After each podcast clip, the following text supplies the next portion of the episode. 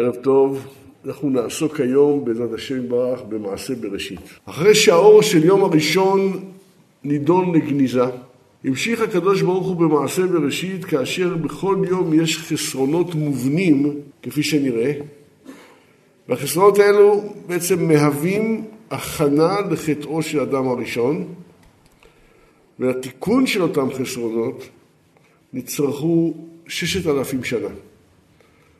מהם אותם חסרונות? ביום השני, מחלוקת מים עליונים ומים תחתונים. ביום השלישי, שינוי המצווה של הארץ. ביום הרביעי, קטרוג הירח. ביום החמישי, מליכת הלוויתן. וביום השישי, חטא אדם הראשון.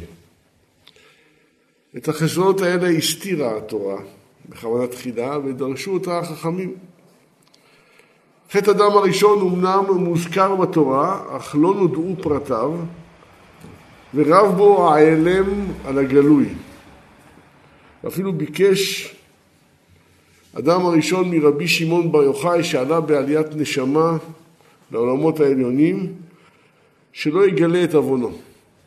כך כותב הזוהר החדש בבראשית י"ט, וזה תוכן דבריו. אומר הזוהר, ולמעלה מהם, המקום שברר לעצמו רשב"י בגן עדן, היה אדם הראשון יושב אצלי והיה מדבר עמי. הוא ביקש, אומר רבי שמעון בר יוחאי, ממני, שלא יתגלה חטאו לכל העולם, חוץ ממה שאמרה תורה עליו. ונתכסה הסוד של העוון שלו באילן ההוא שבגן עדן. ואני, אומר הרשב"י, אמרתי לו, החכמים כבר גילו בפלפולים שלהם את החטא שלך. אמר האדם הראשון לרבי שמעון בר יוחאי, זה שגילו החברים ביניהם טוב ויפה, אבל לשאר העולם לא לגלות. מה הטעם? הוא כי חס הקדוש ברוך הוא על כבודו של האדם הראשון ולא רצה לגלות עוונו לכל, אלא להתלבש באותו סיפור של העץ שאמר שאכל ממנו. מוסיף רשב"י ואומר, והקדוש ברוך הוא גילה לי ברוח הקודש ולחברים שידברו ביניהם את העניינים של החטא, אבל לא לגלות לקטנים שבחברים ולאותם שיבואו לעולם. כי הוא דבר שלא כל האנשים מבינים אותו וטועים בו, ועל כן אין לגלות את החטא הזה, ולא משום החטא שחטא שגדול הוא, אלא משום כבוד השם העליון. הרי הקדוש ברוך הוא ברא את אדם הראשון. ואם אתה עכשיו מזלזל באדם הראשון, הרי אתה מזלזל במעשה ידיו של הקדוש ברוך הוא.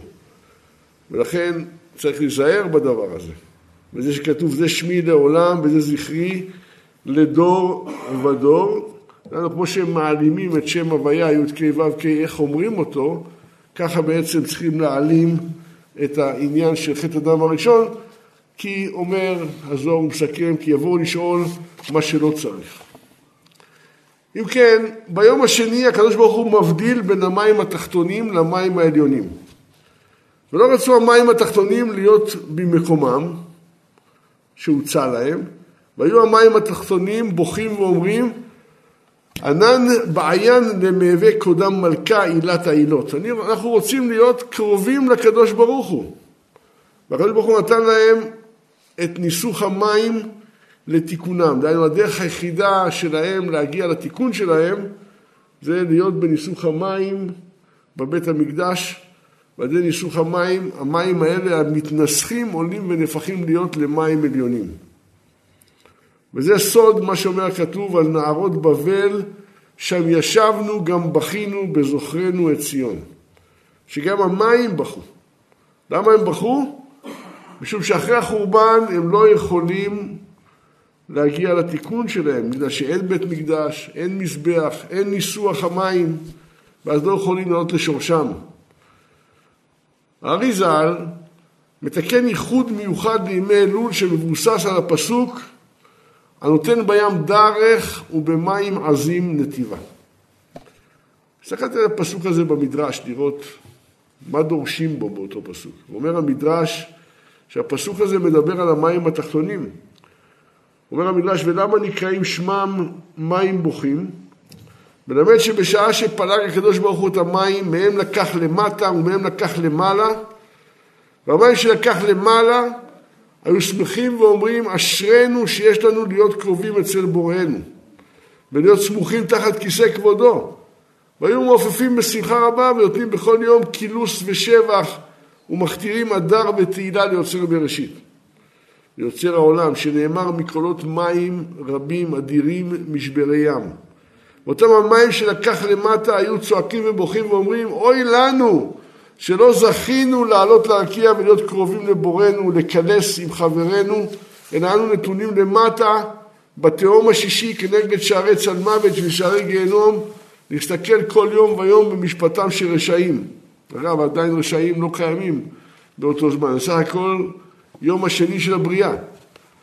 ולבסוף העזו פניהם ובקעו תאומות והיו מתגברים ועולים על סדר מקום העבים ומבקשים לעלות למרום עד שגער בהם המקום וכבשם תחת רגליו והורידם למקומם שנאמר הנותן בים דרך ובמים עזים נתיבה. לפיכך מסכם המדרש נקראו אותם המים מים הבוכים. אבל לכאורה הפסוק הזה לא מתאים לימי אלול. למה אריזל שם אותו באיחוד של ימי אלול? הרצון של המים לעלות למקום יותר גבוה זה דבר משובח. זה למעשה רצון להתקרב עוד יותר אל השם. יש פה בריאה שלא ניחה לה ממצבה, ממציאותה בעולם, היא רוצה להיות במעלה יותר גבוהה, יותר קרובה לקדוש ברוך הוא, במקום שתהיה יותר הערכה לפועלה. והקדוש ברוך הוא גוער במים. ואם כן, איך הדברים מסתדרים עם סוד התשובה, ולמה האריזה נותן את האיחוד הזה בחודש אלול?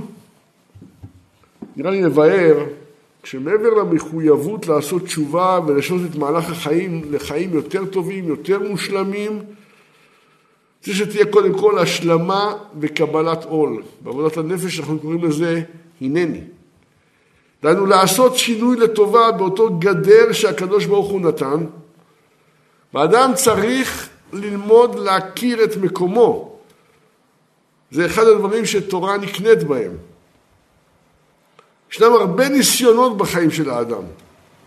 הניסיונות האלה נכפים עליו בעל כוחו, נגד רצונו. אדם צריך להתמודד איתם. מי חשב שיהיה מה שקרה עכשיו ב...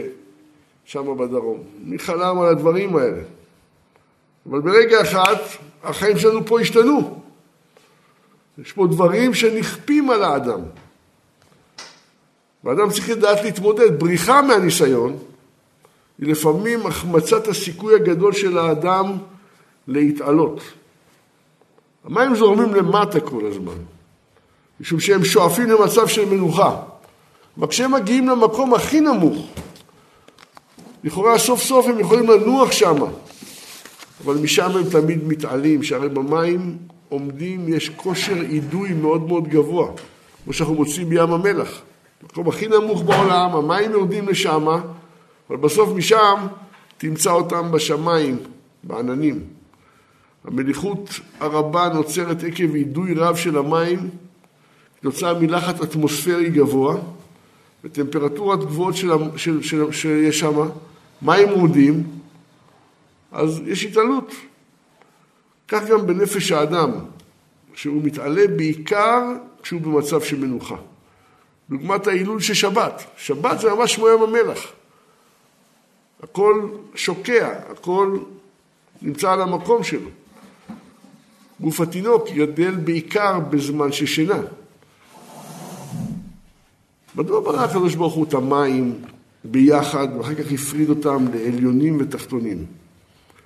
אילו היה בורא אותם ישר במקומם, אלו למטה ואלו למעלה. לא היו המים התחתונים רוצים לעלות למעלה, היה ניחא להם במקומם, ככה ברו אותם. השאלה הזו חוזרת לעצמה גם בעוד עניינים. האור הגנוז שנגנז, המאורות שנבראו לכתחילה במעלה זהה ואחר כך אומת הירח. לכן בריאת הלוויתן ושור הבר שמיד משום גודלם נעשה בהם נזק. מה הסיבה לכל הדברים האלה?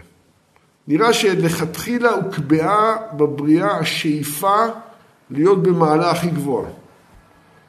כדי שבחסרון שלה תתאווה הבריאה לחזור למעלה שלה. היות ושורש הבריאה זה מהתוהו ובוהו. ואחר כך נברא העולם, הרי נראה כי הבריאה כל הזמן שואפת לחזור לטוב ובוהו, זה חוק שנקרא אנתרופיה, חוק הכאוס. כל דבר שואף ללכת מסדר לאי סדר. כל דבר מסודר שתשאיר בטבע ללא אנרגיה שתייצב אותו, יחזור לבלגן, לאי סדר. הניסיון ליצור פרפטום מובילה, מכונה שעובדת לעד ללא אנרגיה חיצונית, נידונה לכתחילה לכישלון. כיוון שאי אפשר לשמר אנרגיה באופן מוחלט. שהוא שהעולם כל הזמן הולך מסדר לאי סדר. שכן שורשו הוא התוהו ובוהו. אחרי שברא הקדוש ברוך הוא את העולם וטמן בתוכו כמויות אנרגיה אדירות שהספיקו לקיומו ולהשתלמותו, סתם כדי להבין מה זה כמויות אנרגיה עצומות. בהירושימה התפוצצה פצצת אטום, אתם יודעים כמה חומר נהפך לאנרגיה, 0.06 גרם של אורניום הפך לאנרגיה. ועל זה נחרבה כל הירושימה. רק כמות החומר הזו נהפכה כולה לאנרגיה. יתר האורניום נשאר חומר. אז תראו כמה אנרגיה טמונה בתוך החומר. מי טמן את האנרגיה הזו בתוך החומר? ודאי בורא עולם. לכן הבורא ברא דברים שהם לכתחילה מושלמים, אחר כך נתן להם ירידה בערך, כדי שבבריאה יהיה את הרגש השלמות שמנגד את הליכתה כל הזמן לקראת תוהו ובוהו. כך את זה לעומת זה עשה אלוהים. מול העובדה שהולך ופוחת הדור, אנחנו מתקרבים לאט לאט לגילוי משיח ולתיקון המושלם. אפשר להסביר את זה גם בדרך חסידות, שבכל תהליך של בריאה, קודם כל נברא עצם המציאות של הדבר כשהוא כלול במקורו, ואחר כך מגלה את חלקיו וענפיו, כל אחד במקומו. אחרי כל תהליך של התגלות ויציאה מן הכוח אל הפועל, קשור תמיד בהתחלקות וריבוי.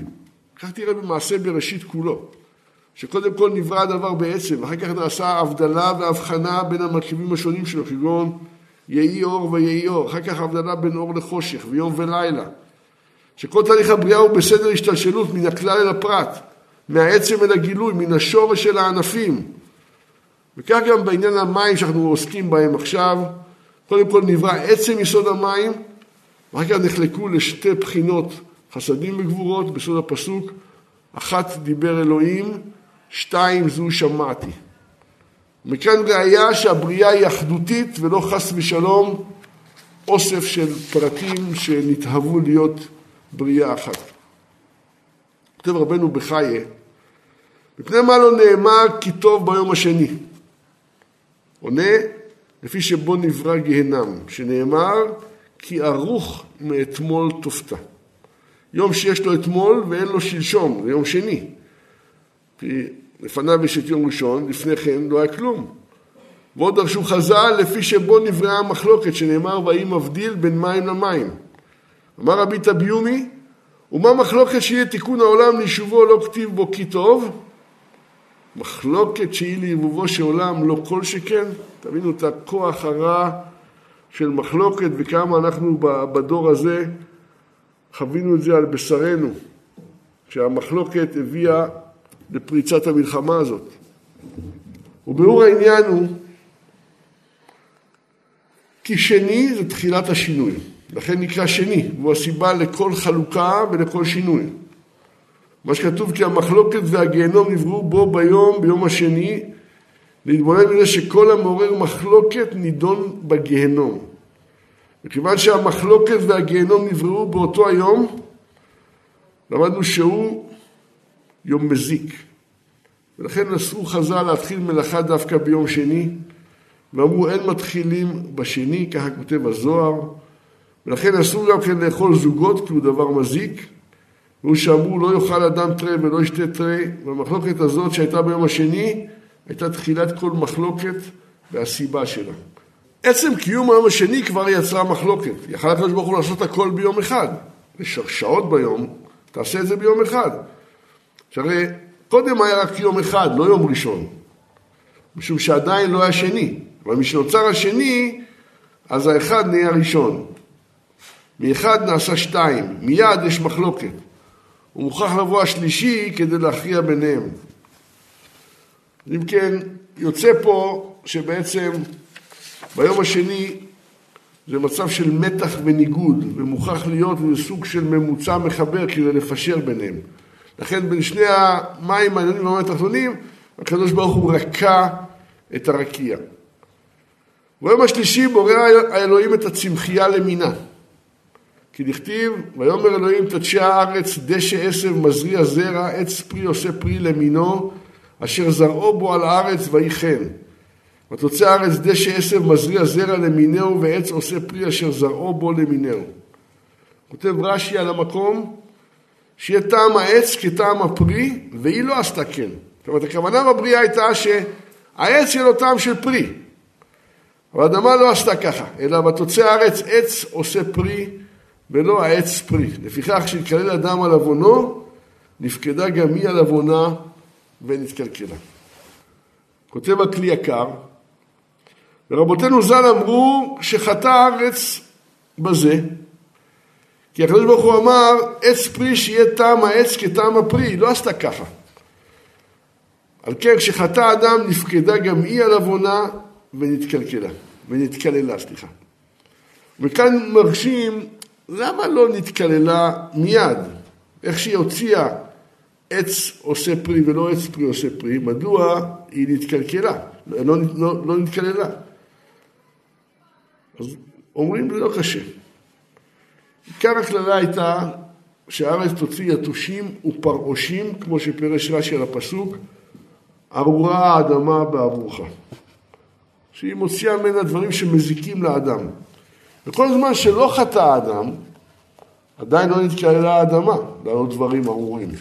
כי אף אם האדמה חטאה, מכל מקום האדם, מה פשעו כי ידלקו אחריו פרעושים ויתושים? אלא כיוון שהוא עשה משהו שראוי שידלקו אחריו, האדמה גם נתקהלה. אז כתוב על זה, ותטמע הארץ ואפקוד עוונה עליה.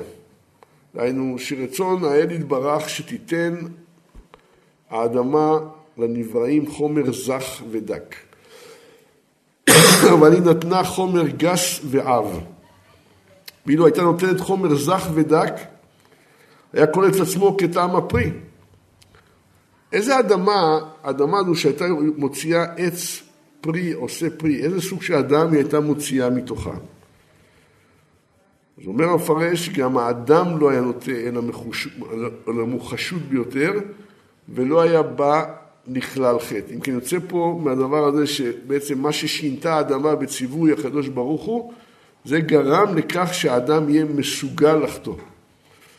כמו שהוא אומר בפירוש, אמנם מצד שעברה ונתנה חומר גס וגרמה לעשות עץ עושה פרי ולא עץ פרי, דבר זה גרם גם כן לחטא אדם הראשון, אשר בסיבה זו נטע האדם אל החומריות ונפל אל החטא. אם כן, בכל חטאת האדם תלקי הארץ ונפקד על עוונה. יוצא מפה שכל פעם שהאדם חוטא, במיוחד בארץ, במיוחד בארץ ישראל, הארץ משתנה, הארץ לוקה, משהו קורה בארץ שמראה שהאדם שיושב עליה הוא לא פועל נכון. כך אומר, אומר הכלי יקר. אם האדם לא היה חוטא והיה מתקן גם את חטא האדמה, שהרי נברא עפר מאדמה, אז היא הייתה כלולה בו.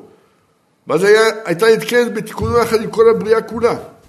מאחר והאדם חטא וירד ממדרגתו, האדמה גם כן ירדה איתו.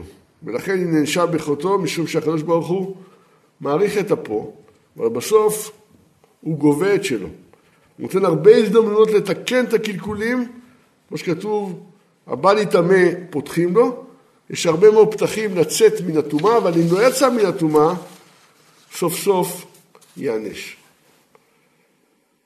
ויאמר אלוהים תדשי הארץ דשא עשר מזריע זרע עץ פרי עושה פרי למינו אשר זרעו בו על הארץ ויהי חן. צריך להבין. כתוב ויהי חן. מה זה ויהי חן?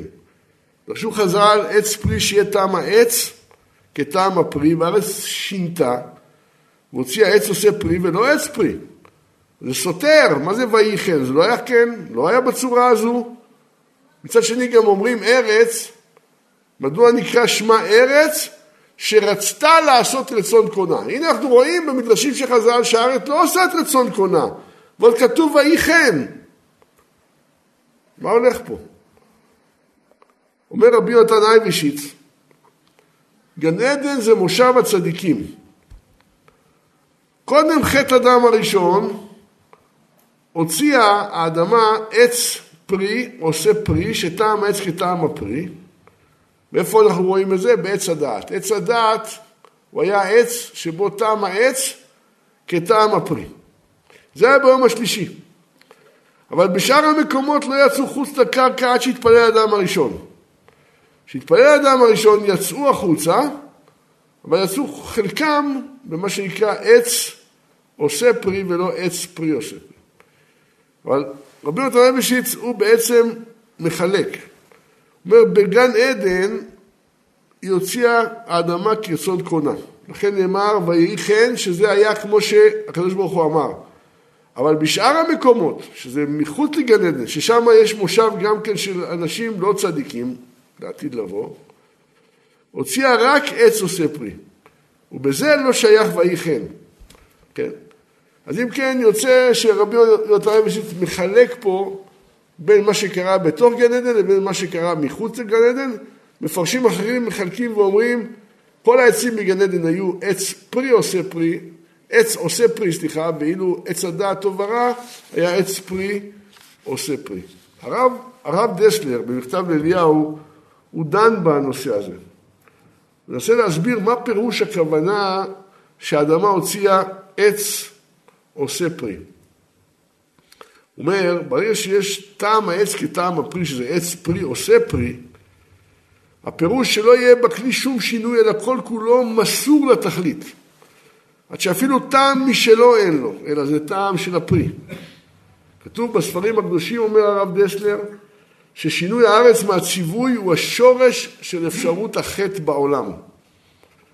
שיהיה בסיס בבריאה לבחירה של האדם גם לעשות משהו שהוא מחוץ לרצונו יתברך. זאת אומרת, אם אין טעם העץ כטעם הפרי, זאת אומרת שבתוך העץ, שזה כלי, יש עוד מטרות, עוד תועלויות, שזה בעצם לרשות אחרת, וזהו שורש עבודה זרה. דהיינו, הטעות של שתי רשויות. אפשר לשמוע או לנחש או לקדוש ברוך הוא. שתי רשויות, לכאורה, וזה עבודה זרה. באמת יש רק רשות אחת. כותב הכתב והקבלה, נראה שהונח על כדור הארץ שם ארץ על שם ריצתה ותנועתה לסבב את השמש תמיד. אשר הסכימו כל החוקרים האחרונים אל דעת קדמוני הקדמונים, כמו פיתגורס, ודעת רבותינו, כמו שכתוב במדרש רשב"י, כל יישובה מתגלגלה בעיגולה ככדור, אילן התא ואילן לאלה, ועדה התעתר ביישובה, כד נעיר לאילן, חשיך לאילן, לאילן יממה ולאילן לליה. כל היישוב מתגלגל כולו ככדור, אלה למטה ואלה למעלה, ולכן יש מקום ביישוב שכאשר מאיר לאלה, חשוך לאלה, לאלה יום ולאלה לילה. אני יודע שיש היום כאלה שחושבים שכדור הארץ הוא שטוח וכולי וכולי, אבל הנה יש לנו פה אה, זוהר שמדבר על כדוריותו של כדור הארץ. והנה על שם ריצתה התמידית להתנועע בסיבוב, הונח עליה שם ארץ. וגם רבותינו הבינו את העניין של הריצה בשם ארץ, שאמרו, ארבע שמות נקראו, נקרא, נקראת הארץ, אחד מהם זה ארץ, שהיא מריצה פירותיה. ועוד נאמר שמה, למה נקרא, נקרא שמה ארץ? שרצתה לעשות רצון קונה. זה קשה כל הדבר הזה, הרי אנחנו רואים שדווקא הארץ ביום השלישי משנה את הרצון של קונה. אז מסתבר שארץ מלשון רצה, כן, ועוד מסביר ש... שם ארץ על שם שיושביה הם בעלי בחירה ורצון.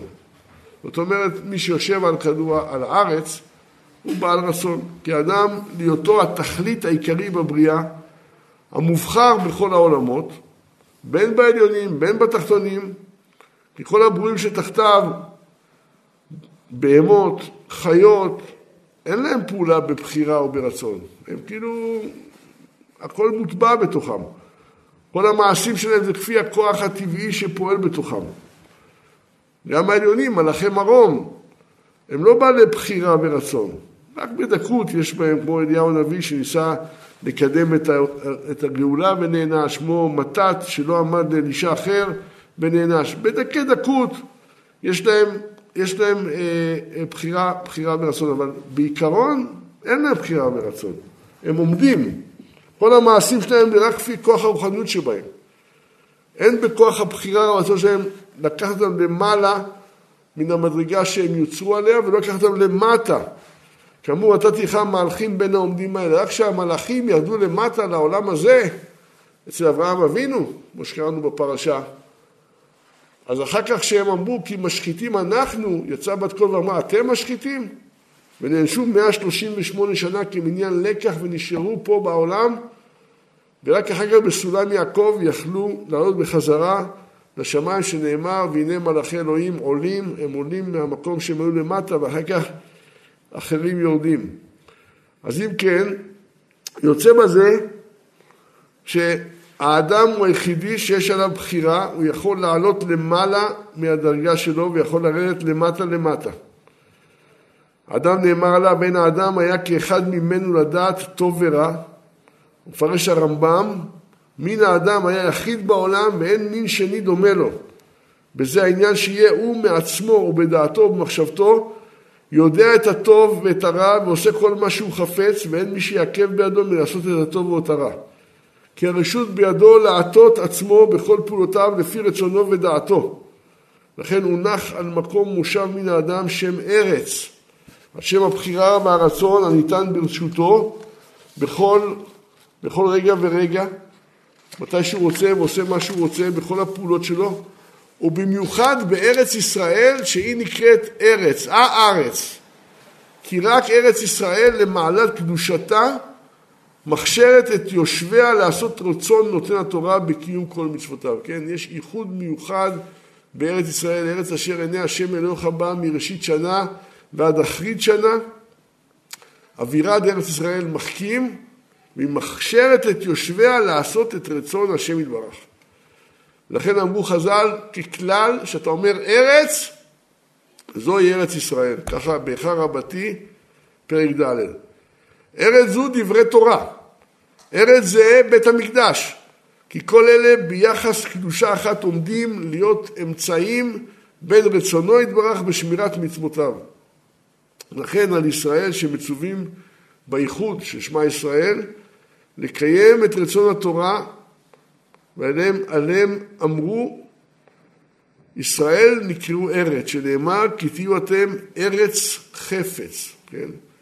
ארץ חפץ, פה ארץ ישראל זה ארץ חפץ, ושעם ישראל יושב על ארץ ישראל זה כפתור ופרח. חפץ, מה זה חפץ? חפץ זה כמו רצון, אבל זה פנימיות הרצון. זה התחזקות הרצון לעומת איזה דבר. וההתאמצות בו, כשיהיה הדבר על האופן הכי טוב שהוא רוצה. זאת ההשתדלות, הפנימיות של הרצון נקראת חפץ, שנאמר לשון חפץ הרצון על תכלית הרצון, ונאמר רצון החפץ על מלאת הרצון, ואדם שהגיע על תכלית רצונו, כי נתמלאו לו כל חפציו, מתואר כארץ חפץ. כן? אז דהיינו, במילים אחרות, גם כן רחם האישה, אומר הרב, נקרא חפץ. נקרא, סליחה, נקרא ארץ. ככתוב, רוקמתי בתחתיות ארץ. זאת אומרת, מה זה רוקמתי? התינוק רוקם ברחם. זה נקרא תחתיות ארץ, כי מקום ריקום הוולד ויצירתו ברחם האישה, כן, זה בעצם אה, המקום שבו נרקם התינוק ונקרא ארץ, וזה מה שחכמים קוראים לזיווג דרך ארץ. והימנעות ממנו זה נקרא פרישות דרך ארץ. כן, למדנו מהמאמרים האלו שאלמלא חטא, חטא הארץ, האדם שבא מן האדמה היה זך בתכלית הזיכוך ולא היה חוטא. כן, בואו נפרש פסוק. כי האדם עץ השדה לבוא מפניך במצור. כמו שהעץ יצא שטעם העץ הוא לא כמו הטעם של הפרי שלו.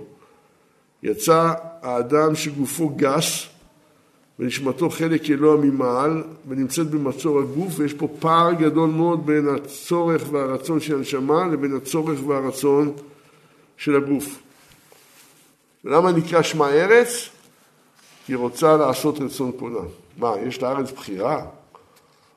אלא ודאי שעשתה רצון כבודה, שלא יהיה טעם העץ כטעם פריו, כדי שיהיה מקום להסתרה או בחירה. כי ההכרח הוא שיהיה פער בין החזון לביצוע, בין האדריכל, האידיאל, למימוש, בין הבכוח לבין הפועל, בין הדרך לבין המטרה. כי בכל ירידה מאלוהות לארציות יש שבירה, יש התמעטות, יש הכרח המציאות. שכך יהיה. כי כשאור אין סוף, שהוא מעל מקום, הוא מעל זמן, מתגלה בתוך מקום, בתוך זמן, שהבלי גבול מתגלה ונסתר בתוך הגבול, הוא נותן מקום לנברא להיות בכירי. העניין של הבחירה זה יסוד מאוד מאוד מאוד פנימי בבריאה. וכן ביום השלישי אחרי שהשם ברך מצווה על הארץ להצמיח עץ פרי עושה פרי למינו ומוציא הארץ עץ עושה פרי אשר זרעו בו למינו. וחז"ל לומדים שהארץ שינתה מציווי השם, ובעצם הארץ יוצאת מהפשיטות והתמימות שהייתה עד כה בבריאה. ועוד כתוב ויקרא אלוהים ליבשה ארץ. למה נקרא שמה ארץ? שרצתה לעשות רצון קונה. וכן, דווקא באדמה, בארץ, יש את תחילת שינוי מצוות השם. אנחנו מפרשים שהארץ דקדקה על מאמר השם, היא ראתה שהוא בעצם יכול לסבול שני פירושים. האחד שיהיה עץ טעמו כטעם פריו, ואז תהיה הכוונה שיהיה עץ פרי וגם עושה פרי. ואחר כך אולי כוונה אחרת, שעץ לחוד ופרי לחוד. מה עשתה הארץ? לפי דעת חלק מהמפרשים, הזדרזה להוציא את שני הסוגים הללו. כל העצים נבראו ללא טעם בעץ, ורק עץ הדעת טוב ורע צמח, צמח, וטעם עצו היה שווה לטעם פריו.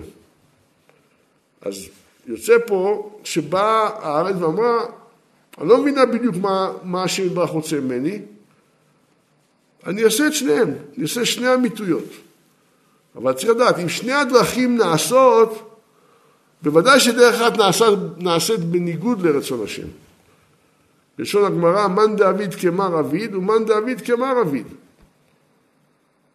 או לעולם הלכה כבית הלל ורוצה לעשות כדברי בית שמאי עושה, או כדברי בית הלל עושה, ומקולי בית שמאי ומקולי בית הלל רשע, ומחומרי בית שמאי ומחומרי בית הלל, למה כתוב אומר, הכסיל בחושך הולך.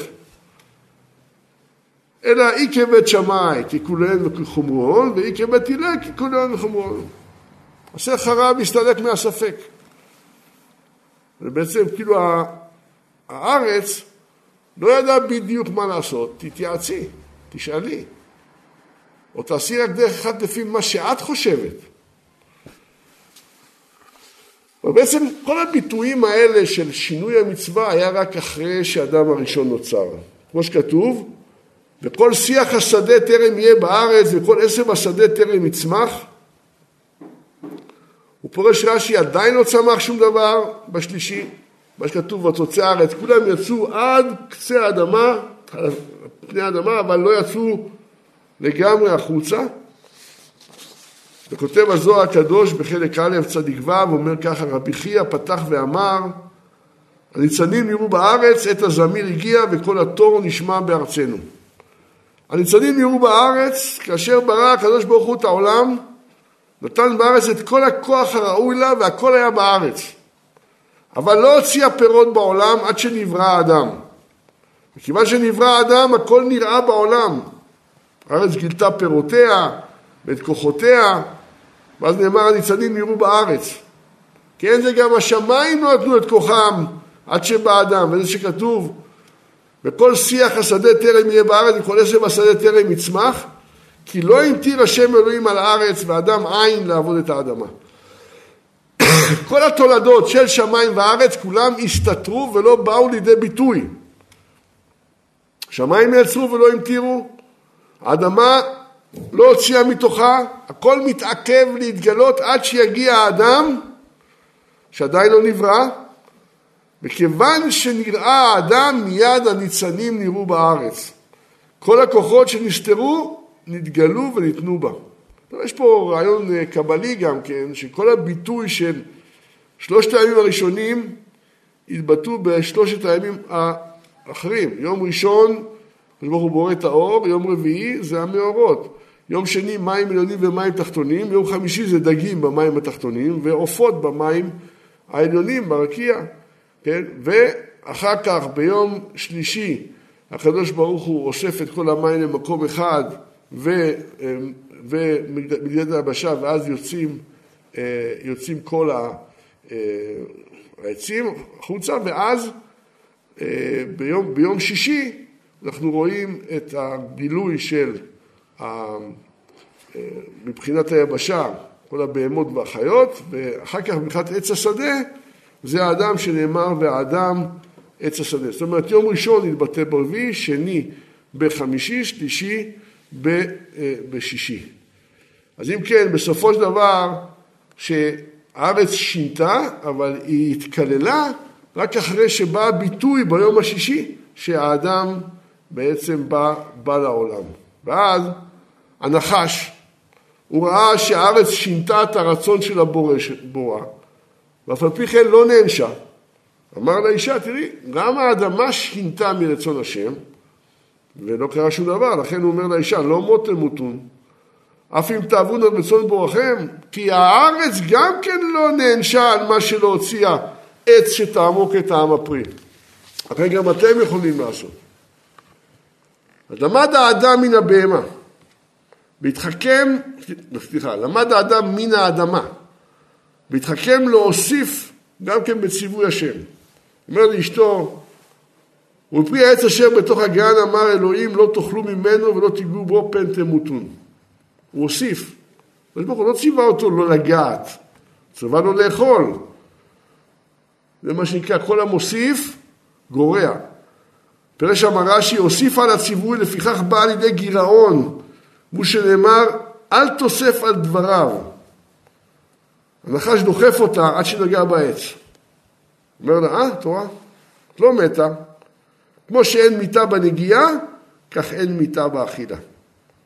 הארי ז"ל, בליקוטי תורה, מרחיב בעניין הזה, הוא אומר, ויאמר אלוהים תדשי הארץ דשא עשר, עץ פרי עושה פרי למינו. אומרים חז"ל, עץ שטעם עצו ופריו שווה. הארץ לא הוציאה, רק עושה פרי לבדו.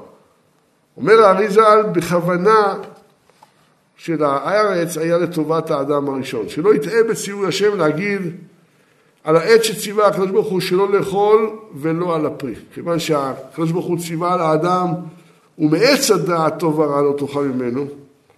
אז אפשר לחשוב, מהעץ אל תאכל, אבל מהפרי אתה יכול לאכול. וזה עצמו, אומר האריזל, היה מה שהנחש הערים. הוא אומר, הציווי על האדם מכל עץ הגן אכול תאכל, ומעץ הדעת אשר בתוך הגן לא תאכל. עץ הדעת היה היחידי שהעץ והפרי אותו טעם. זה יכול להבין, אוקיי, אני מהעץ לא אוכל, אני אוכל מהפירות. כן, תמיד אפשר לעשות כל מיני הערמות כאלה ביום צום, אני לא אוכל שום דבר, אבל אני אוכל סוכריה. כן. אבל סוכריה אסור לאכול. לכן, גם הפרי היה אסור לאכול. פירוש, העץ ציווה שלך מצדעת לא תאכל, ככה אומר לו הנחש, אבל הפרי עצמו הוא מותר באכילה. חווה אומרת לו, לא, גם הפרי נאסר, ולא רק שהפרי נאסר אפילו לגעת אסור לנו. וזה אומר מפרי עץ, העץ אשר בתוך הגן. לכן הוא דוחף אותה.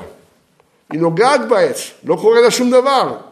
בתרא כי טוב העץ למאכל, זאת אומרת העץ הוא טוב למאכל דווקא, אז אני אוכל את הפרי. ולא אמרה כי טוב פרי העץ, ועל זה התפתתה מדברי הנחש כי ראתה כי טוב העץ למאכל. אז אמרה אם כן, ודאי לא ציווה השם יתברך רק על העץ.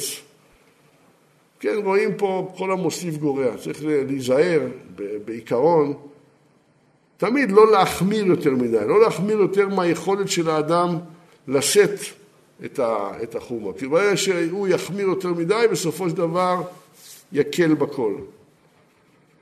וכאשר בא שינוי הארץ לידי ביטוי בחטא הדם הראשון והתקהלה הארץ, נשאלת השאלה, רגע, אם אדם חטא, ארץ מה חטא שנתערערה?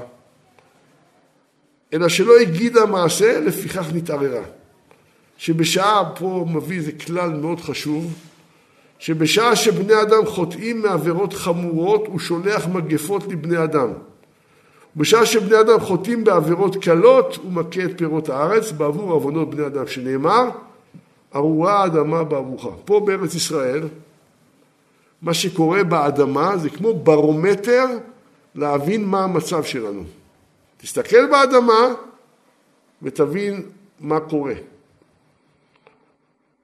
זאת אומרת, גם אפשר לומר פה על הדבר אה, הנורא הזה שקרה בשבת של שמחת תורה, שמתו שם כל כך הרבה, כל כך הרבה אנשים, נרצחו בצורה כל כך אכזרית.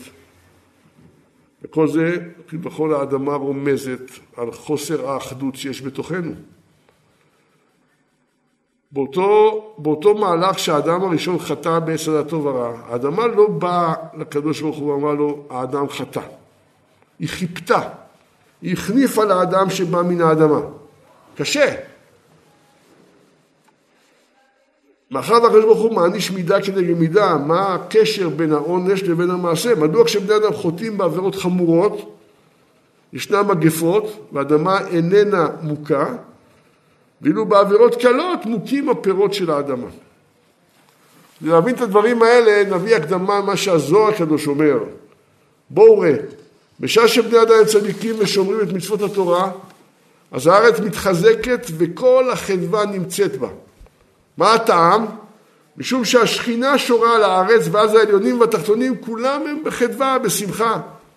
כשבני אדם משחיתים דרכם ואינם שומרים תורה ומצוות, וחוטאים, אז כביכול דוחים את השכינה מהעולם, במיוחד בארץ ישראל, שזה ארץ אשר עיני השם אלוהיך בא מראשית שנה ועד אחרית שנה, שבו ההשגחה, ההשגחה פה היא מאוד צפופה, השכינה נדחית ממנה ואינה שורה עליה, ואז הארץ נשחטת. בואו ראה כתוב, וירא אלוהים את הארץ והנה נשחטה. מה זה נשחטה? כמו שנאמר, וירא אלוהים את מעשיהם כי שבו מדרכם הרעה, כי אז קוראת הארץ למעלה, כביכול לזעיר אנפין, ועולה במעלה עליונה ומייפה פניה כמו נקבה מייפה את עצמה בפני הזכר, כן הארץ, שיש בנים טובים שגודלים פה בארץ ישראל, היא שמחה. היא אומרת, תראה איזה, איזה בנים טובים גידלתי לך, תראה כמה בתי מדרשות, כמה, כמה ישיבות, השתבח שמו. אבל אם יש דור כמו דור המבול, והארץ נשחטת, אומר, אומר הזוהר כמו אישה שנטמאת ומסתירה פניה מבעלה. מתביישת, תראה איזה גידולים גודלים לי פה. בשעה שעבודות בני אדם מתרבים לחטוא בגלוי, משימה הארץ פניה כנקבה שאין לה בושה משום דבר. ברגע שכבר יש הפריצות הכי גדולה זה נהיה, נהיה עזות, כן? והארץ חנפה תחת יושביה. זאת אומרת, שיש קצת עבירות, היא מתביישת. כשיש הרבה עבירות, היא כבר מעזה פניה כי היא שומרת על בניה. לכן, היא הארץ נשחטת. למה? כי השחית כל בשר דרכו על הארץ. יש כבר השחתה, שיש כבר חוסר... חוסר אחריות מוחלט, כן? זה מה שקורה, שיש פה בארץ חנפה תחת יושביה. כן? מה שקרה שם באותו, באותו שבת, זה היה אה, השחתה הכי גדולה שיכולה להיות. כן? קראתי עכשיו, אמרתי את זה גם באחד השיעורים הקודמים, שברגע שאנשים שהיו שם חוו את הטראומות האלה, ייקח שנים לטפל בטראומות האלה. כאילו, אנשים שראו זוועות כאלה, ובמיוחד ובמיוחד, שאנשים היו במצב של מודעות אחר, אני לא רוצה יותר להרחיב, כן? לקחו כל מיני דברים. הטראומה במצב הזה היא הרבה יותר גדולה. באמת קראתי היום שעשרות, אולי מאות מהמשתתפים של, ה, אה, של המסיבה הם, הם בטיפול פסיכיאטרי כפוי, כתוצאה ממה שקרה שם. זאת אומרת, גם אדם רגיל לא יכול אה, לעבור דבר כזה בקלות, כל שכן כאשר האדם נמצא בתוך אה, מצב מודעות אחר לגמרי, שבו הפער בין העלייה לירידה הוא, הוא כל כך גדול, שזה פשוט מפרק את הנפש. הנה למדנו שיש יחס בין הארץ ליושבים עליה, זה כמו בין, בין אימא לבנים. כשהבנים עושים מעשים טובים, האם, האם גאה בהם, מטפחת אותם, מייפה אותם, באה לאבא, לבעלה, אומרת, תראה איזה יופי, איזה בנים טובים. אותו דבר זה הארץ, מייפה את פניה בפני השמיים, ואז יורדים גשמי ברכה, ומרבים אותה, ונותנת את כוחה בשמחה לבניה. אבל אם בניה עושים מעשים רעים, שבוודאי מצטערת ומתביישת מן השמיים, ונכלה השפע העליון, או שיורד בזעף, וכוח עם האדמה נחלש. אבל כשהאדמה מתרגלת למעשים הרעים, הלב שלה זה לב של אם רחום, היא מתחילה להגן על מעשה בניה. אימא, גם כשהבנים שלה עושים מעשים רעים, היא רוצה להגן עליהם. שמה פניה כחלמיש מול השמיים. במקום להפסיק לתת את הכוח לבנים שלה שילמדו, שלמען יחזרו בתשובה, נחנפת הארץ תחת יושביה. כאדם שחי בסביבה מושחתת, לאט לאט מתרגל לעבירות. כבר לא נראות לו חמורות כל כך כמו שהיה לפני כן. אחרי שהוא מגיע למקום שעושים שם עבירות, הוא נחמץ ליבו בקרבו, לאט לאט הוא מתחיל להרגיש כמו אנשי המקום. זה, זה הקושי שהיה לעם ישראל בגלות, להיות בתוך הגלות בין הישמעאלים או בין הנוצרים. המקום משפיע, כן? אחים רבי זרע שבא לארץ ישראל מבבל, צם ארבעים יום כדי לשכוח תלמוד בבלי, כדי שיוכל ללמוד תלמוד ירושלמי. למה? ארץ ישראל מחכימה את יושביה, זה רמה, רמה אחרת לגמרי. תראו את לוט, לוט ישב בסדום, לאט לאט תתרגל, תתרגל למעשים של הסדומיים. דור המבול, דור שמחייתו היה בעוון הגזל, החמאס. כך הארץ שהיא נשחטת, היא כביכול חומסת וגוזלת את השפע העליון, על מנת לתת את הכוח שלה למי שלא ראוי. המרגלים שהם באו לארץ ישראל ראו ארץ אוכלת יושביה. כל מקום שעברנו אומרים, מצאנו אותם קוברי מתים. הקדוש ברוך הוא עשה את זה לטובה כדי לטרוד אותם באבלם, שלא ייתנו לב לאלו. זה מגפות אבל. מתקיים בהם מה שכתוב בפרקי רבי אליעזר, בשעה שבני אדם חוטאים בעבירות חמורות, הוא שולח מגפות לבני אדם. אבל כשהם לקחו את פירות הארץ, פירות הארץ פה היו ענקיים, גדולים, עצומים. כמו שכתוב, ויבואו עד נחל אשכול ויחרטו שם זמורה, ואשכול ענבים אחד וישאו במות בשניים, ומן הרימונים ומן התאנים. פירש רש"י, מה, מה משמע שוישאו במות? מה, לא יודע שזה בשניים? מה תלמוד לומר בשניים? בשתי מוטות. כצעד שמונה נטלו אשכול אחד, סליחה, שמונה נטלו אשכול, אחד נטל תאנה, אחד רימון, ויהושע וכלב לא נטלו כלום.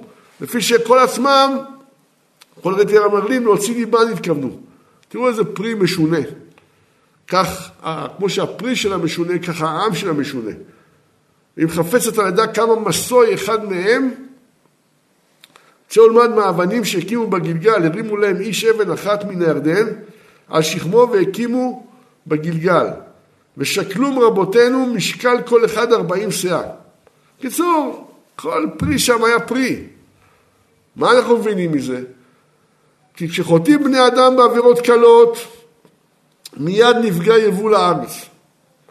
וכשמתחילים לחטוא בעבירות חמורות, כמו שהכנענים עשו, נשחטת הארץ, אבל הארץ משימה פניה כנקבה שאין לה בושה, ומחזירה את הכוח שלה לרשעים, ואז באים מגפות. זה בדיוק מה שקרה, שהיה מגפות בארץ ישראל, ארץ כנען, אבל הפירות היו ענקיים. אז אם כן, מה הארץ שלא הגידה את המעשה ונתקללה מידה כנגד מידה? שיראה האדם אם באות מגפות או נפגע מהיבול, ידע כי הסיבה נעוצה במעשים רעים. במיוחד יש שפיכות דמים בארץ, אז ידע שיש פה מעשים רעים והארץ נשחטת. הציווי לארץ היה מכוון, בצורה כזו שהארץ התמודד עם בחירה בין שני אמיתויות. כמו אדם שצריך להתמודד עם שני פסקי הלכה שחולקים זה על זה. לא היה על דעת שלפעמים ינהג ככה, לפעמים ינהג אחרת.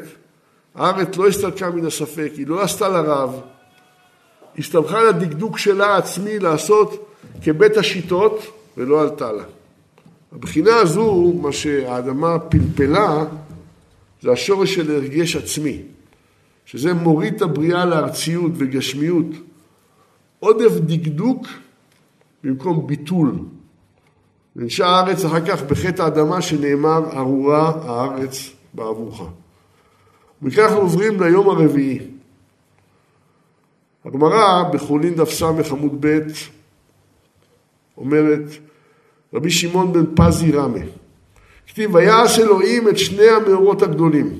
אחר כך כתוב את המאור הגדול ואת המאור הקטן. פעם כתוב שני המאורות הגדולים ופעם מאור גדול ומאור קטן.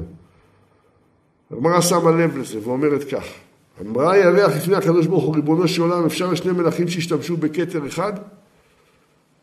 אוקיי, את אומרת ככה, לכי ומעטי את עצמך. אמרה לפניו ריבונו של עולם מועיל ואמרתי לפניך דבר הגון אמעיט את עצמי? אמר לה אוקיי, יש לי, יש לי בשבילך פתרון לכי תמשלי ביום ובלילה. את תהיי גם ביום וגם בלילה בימים מסוימים. אמרה לה, מה ירבותה? נשרגה בתיארה מים מענה.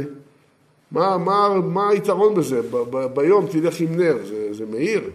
שאני עכשיו בשמיים ביום, מי רואה אותי?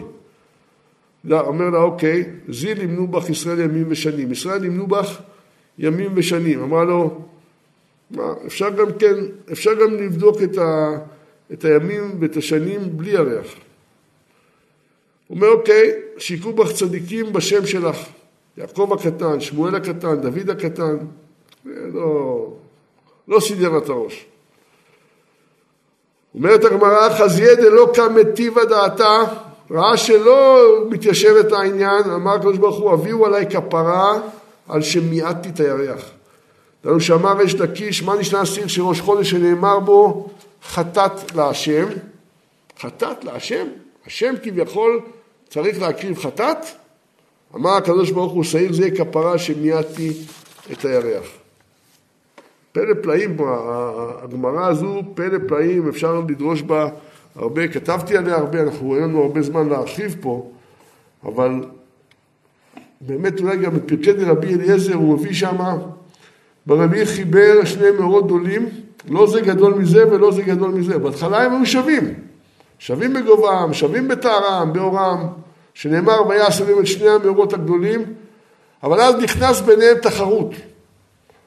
זה אומר אני גדול ממך, וזה אומרת אני גדול ממך, ולא היה שלום ביניהם, מה עשה הקדוש ברוך הוא? הגדיל את האחד והקטין את האחר, שנאמר את המור הגדול לממשלת היום, ואת המור הקטון לממשלת הלילה. כן, הירח היא המקטרגת, והקדוש ברוך הוא ממעט אותה, קשה.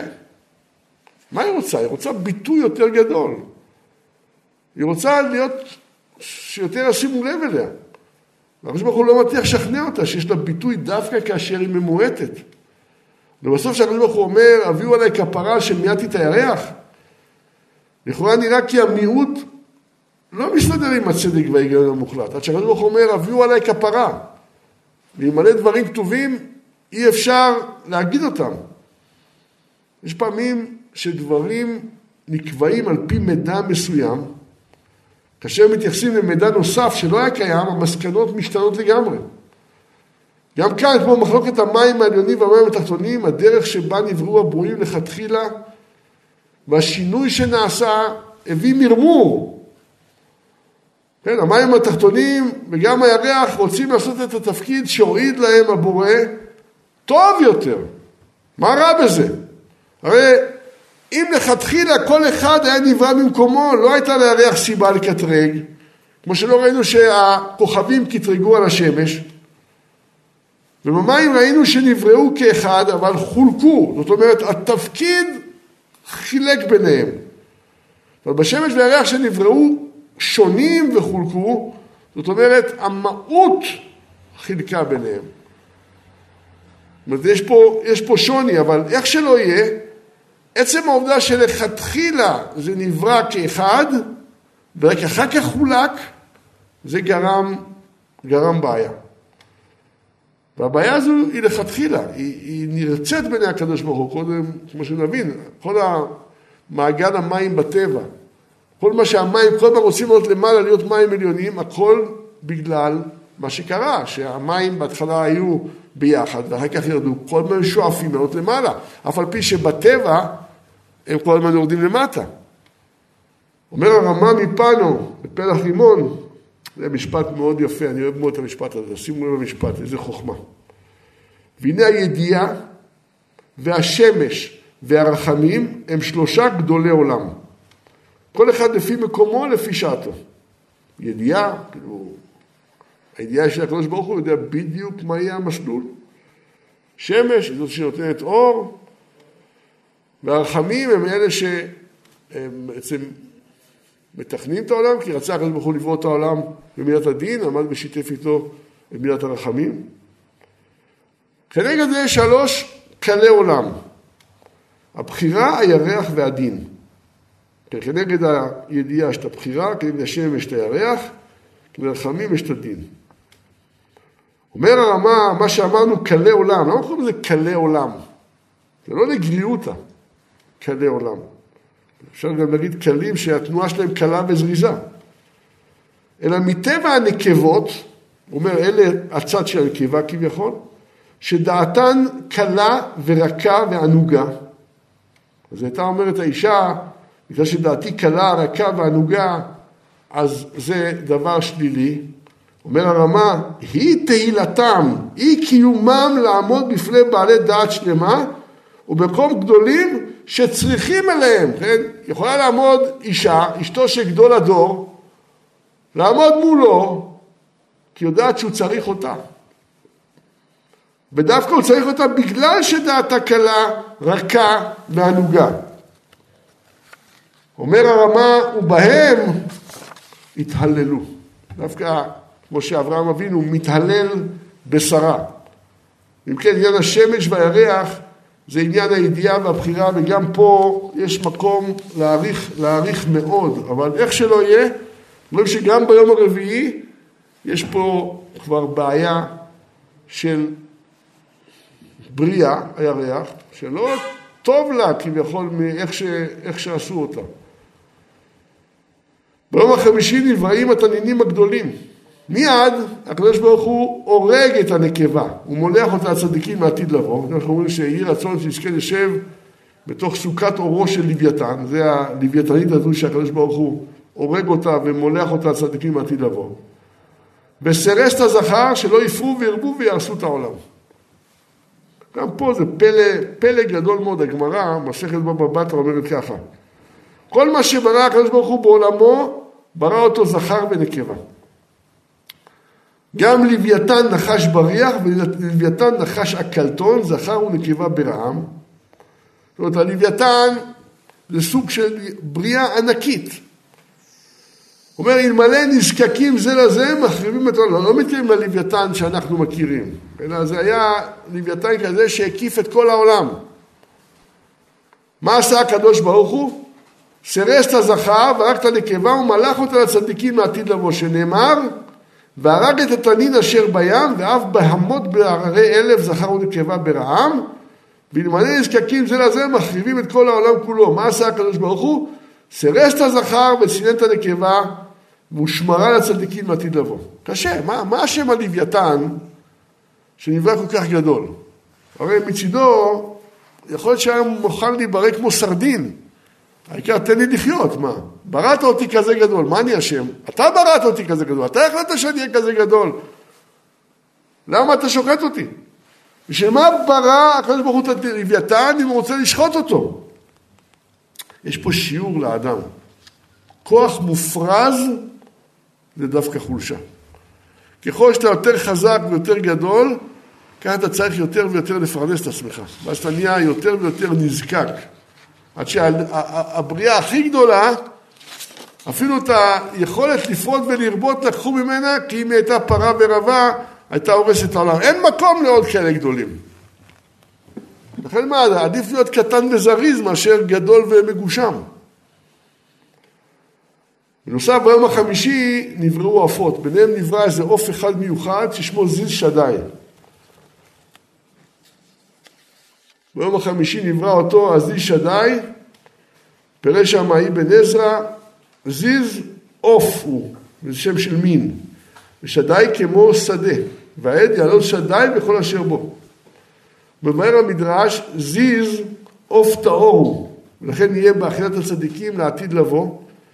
וגם הלוויתן עתידים לאכול אותו לעתיד לבוא, מכאן שזה לא אותו לוויתן שאנחנו מכירים.